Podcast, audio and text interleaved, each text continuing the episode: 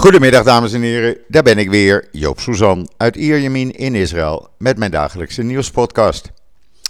En allereerst maar even het weer. Nou, gisteravond, het was zo raar.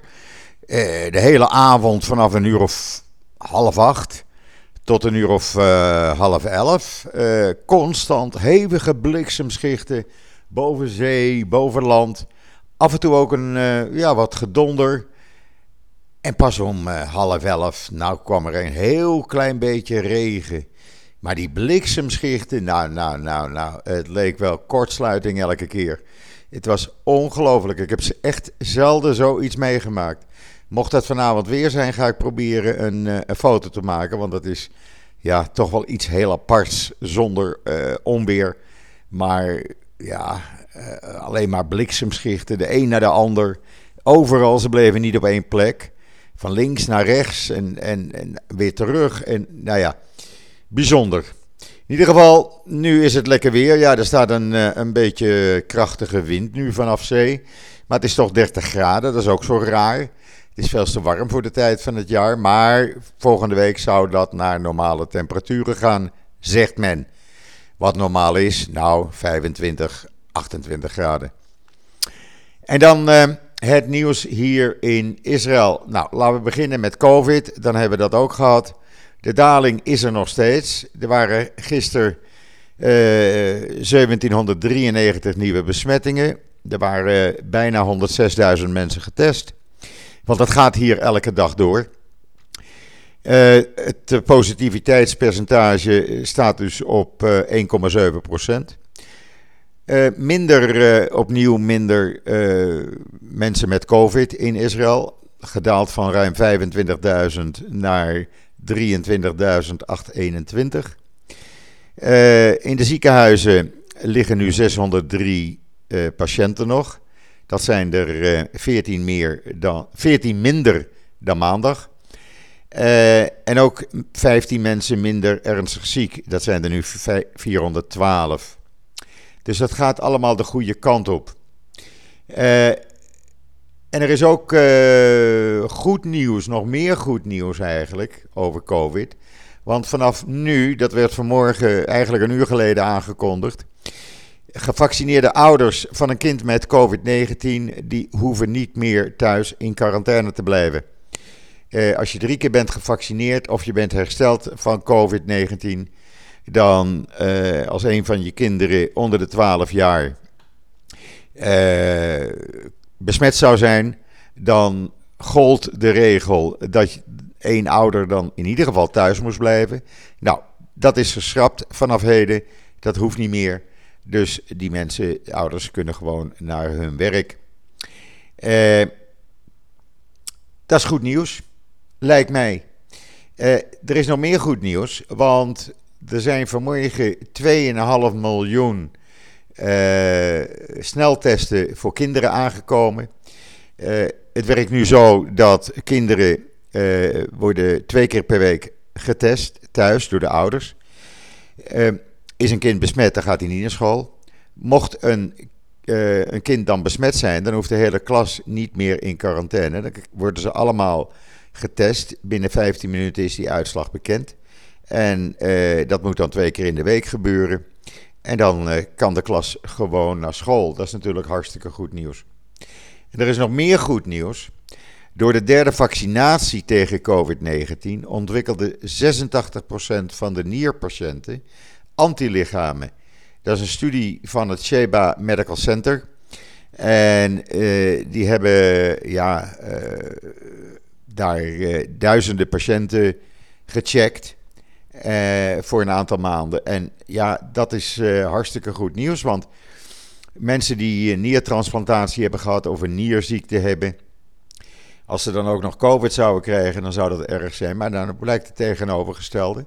U kunt het helemaal uitgebreid lezen in Israël Nieuws natuurlijk. Israelnieuws.nl. Uh, alle details staan daarin. Dus lees dat eventjes. En dan president Herzog.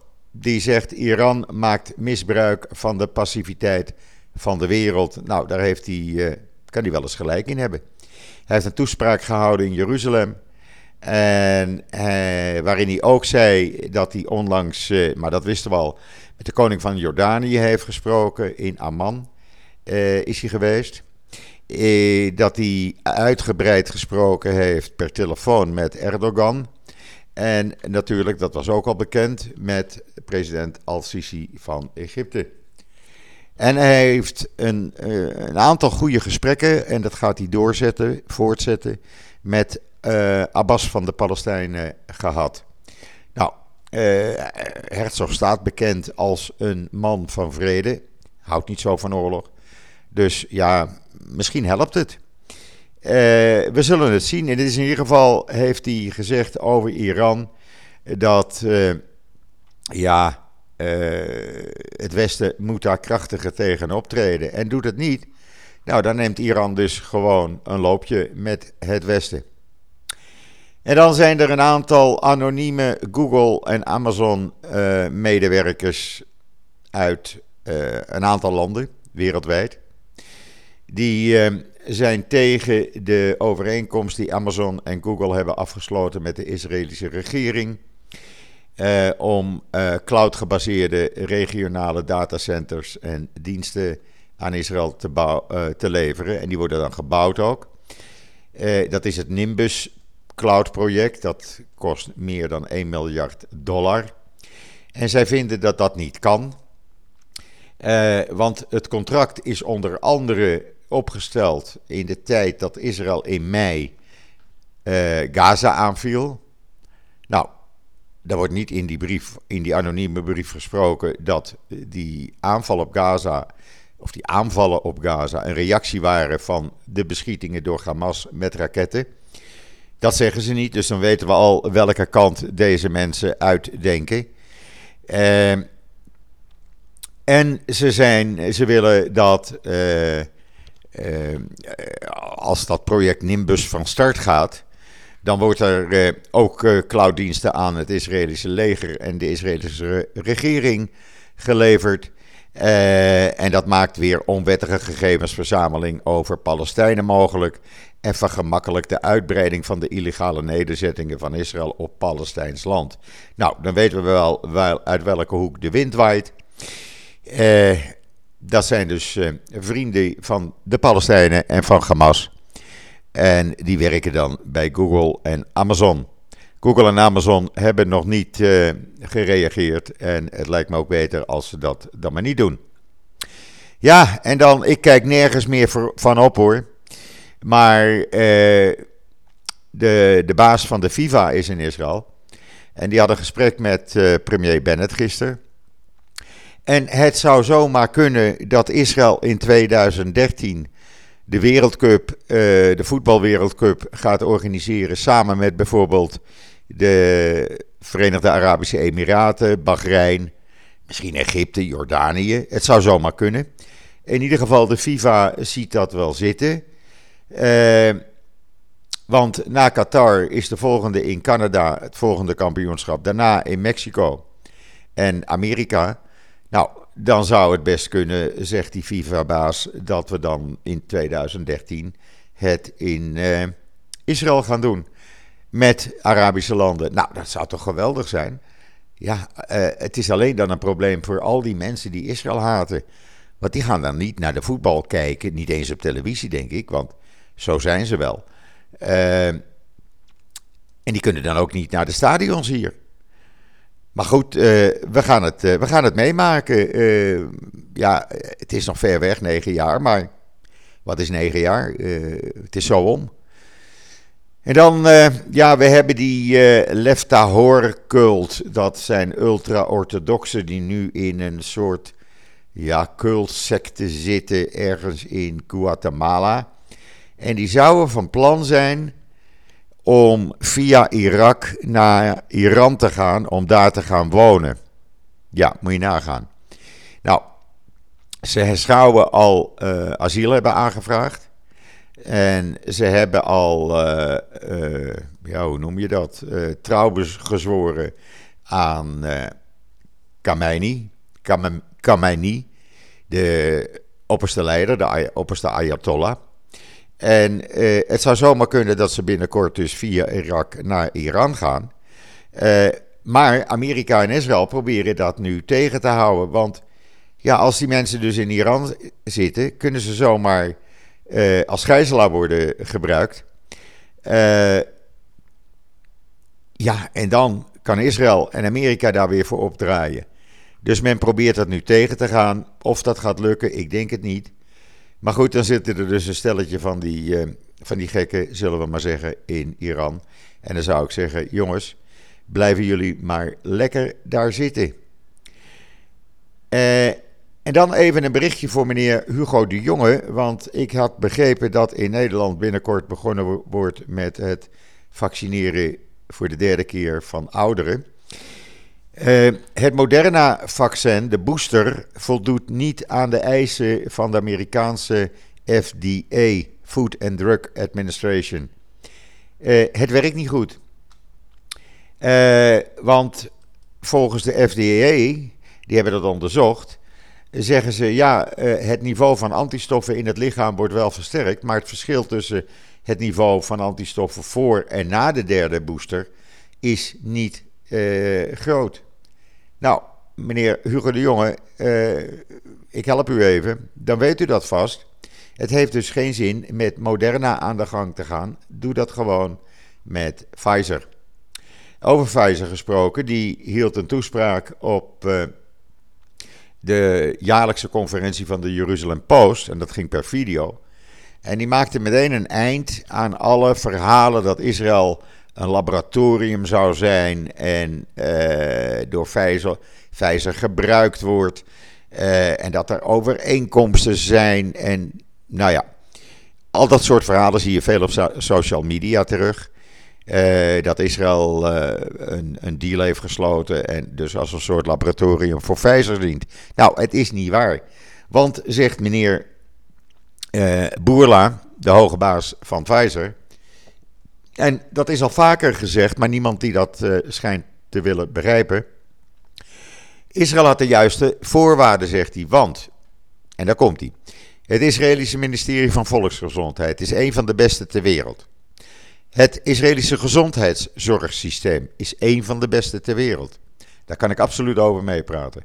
De kleine bevolking van Israël, ruim 9 miljoen mensen, maakt studie beheersbaar. En dan, Israël heeft een hoge mate van elektronische gegevens en een monitoringssysteem dat verbonden is met een overweldigende meerderheid van de bevolking. Ook dat is waar. En tot slot zegt hij: geen enkel land ter wereld heeft meer ervaring met het beheersen van een crisis dan Israël. Nou, dat is gewoon waar. Eh, alle, alle gegevens, eh, bijvoorbeeld mijn gegevens, zitten bij mijn ziekenfonds Meogedet. Er zijn er vier. We hebben Klalit, we hebben Meo Gerrit, we hebben Maccabi. Uh, en die, uh, die uh, gegevens worden elektronisch opgeslagen. En als ik naar het ziekenhuis ga, of ik moet naar een dokter, of ik moet naar een bloedprik, of weet ik van wat, dan geef ik mijn ID-nummer. Dan drukken ze op de knop en dan komt mijn hele dossier gewoon naar voren. En als dat in een ziekenhuis moet worden gedaan, gebeurt dat ook zo. Dus het is allemaal heel simpel te verklaren. En uh, ja, het is gewoon zoals het is. En er is geen deal. Het is zoals het is. En wat ook zo is zoals het is, dat september een fantastische maand voor start-ups en andere high-tech bedrijven in Israël waren. Want mensen, mensen, er is wat geïnvesteerd. Er waren uh, een aantal bedrijven die investeringsronden deden in september van tenminste 100 miljoen dollar ieder. Uh, bijvoorbeeld, er is een uh, in Tel Aviv uh, gevestigd bedrijf Snike. Die heeft een investering ontvangen van 530 miljoen. En eind september, op 30 september, nog eens een keer 75 miljoen. Dat bedrijf is nu uh, uh, waard zo'n 8,6 eh, miljard dollar. En dat is een beveiligingsontwikkelaar, een bedrijf voor cybersecurity. er is een ander bedrijf, Papaya Global, 250 miljoen binnengehaald. dan hebben we nog een ander bedrijf, Melio. Die haalde in september gewoon 250 miljoen dollar op. Eh, dan hebben we het in Jeruzalem gevestigde bedrijf Lightrix. Die haalde 130 miljoen op. En zo gaat dat maar door en gaat maar, maar door. Het betekent dat er een enorm groot vertrouwen is in de economie en in de start-ups en de know-how hier in Israël. En vandaar dat die shekel ook zo hoog staat, zo sterk staat. Eh, want die staat op dit moment tegenover de euro. 1 euro is eh, nog maar 3,73 shekel. Nou, eh, 3 shekel 73. Nou, dat is natuurlijk weinig. Hij stond altijd om de, rond de 4 uh, eh, shekel. Dus dat is behoorlijk gedaald. En dat blijkt ook, want die economie, dat heb ik u gisteren gezegd, die ging opeens. Tot, dit, nu toe is die al 31% groter gegroeid dan in 2020. Even een slokje water. Dus dat, dat ziet er gewoon hartstikke goed uit. En dat merk je ook, want er is werk zat. Ze zoeken bijvoorbeeld 4000 buschauffeurs hier. Laten we hem daar simpel houden. Dan hebben ze zo'n 13, 14.000 mensen in de high-tech worden gezocht. Ze zijn er niet. Uh, in allerlei andere branches worden mensen gezocht. Ze zijn er niet. Iedereen is aan het werk. De werkloosheid daalt, ook enorm op het ogenblik. Uh, hij is nog niet terug op het pijl voor coronapandemie. Maar hij gaat wel die richting op. En dat gaat nog een paar maanden duren. En dan zitten we daarop. Dus dat gaat gewoon hartstikke goed. Nou las ik gisteren in de Nederlandse kranten. Uh, dat het, het coronavirus in Nederland weer om zich heen slaat. Men noemt dat dan niet de vierde golf, maar het RIVM spreekt over een najaarsgolf. Nou, ik vind dat een beetje raar. Noem het beestje bij de naam. Want als dat een najaarsgolf is, dan zitten wij zeker nu in de, aan het eind van de nazomergolf. Het is gewoon de vierde golf. En uh, ja, het neemt weer toe in Nederland. Waar wij dus uh, nu aan het dalen zijn, neemt het in Nederland toe. En dat is logisch, want wij lopen altijd een aantal maanden voor op uh, Europa, met name Nederland. Dus wat er hier gebeurd is in de afgelopen pak een beetje twee maanden, uh, krijgt u in Nederland nog op uw bordje. Zo moet u het zien. En het is niet anders. Bescherm jezelf. Draag een mondkapje. Het hoeft niet in Nederland, maar doe het in die publieke ruimte. Uh, was je handen wat extra. Uh, ga niet in hele grote groepen staan. Het zijn kleine dingen die je zelf kan doen om jezelf te beschermen. Ik ben vanmorgen even naar de supermarkt gegaan. Je doet automatisch een mondkapje op en klaar is Kees. Uh, ik zie ook veel mensen de supermarktkarretjes duwen met uh, van die plastic handschoenen aan.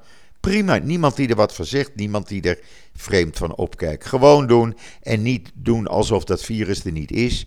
Want het is er wel en het zal ook blijven. We moeten er even aan leren uh, mee om te gaan. Nou, dat gaat prima. Hier gaat alles normaal in Israël. Uh, er komt nu een soort commandocentrum. Heeft Bennett op opdracht voorgegeven om uh, elke keer, nu de grenzen binnenkort open gaan in november, om alles in de gaten te houden en meteen in te grijpen als er varianten uit het buitenland Israël mochten binnenkomen. Uh, dat gaat met een paar weken van start voor het eind van deze maand. En die, dat commandocentrum houdt zich dus alleen maar bezig met het in de gaten houden van uh, nieuwe besmettingen. Nou, zo moet je dat doen en niet die, die halfbakse manier waarop het in Nederland gaat. En dan nog noemen een najaarsgolf. Het is gewoon de vierde golf die in Nederland van start is. Goed, dit brengt mij tot het einde van deze podcast. Rest mij u nog een hele fijne voortzetting van deze woensdagmiddag, de 13e oktober, toe te wensen. Ik ben er morgen weer en zeg zoals altijd: tot ziens, tot morgen.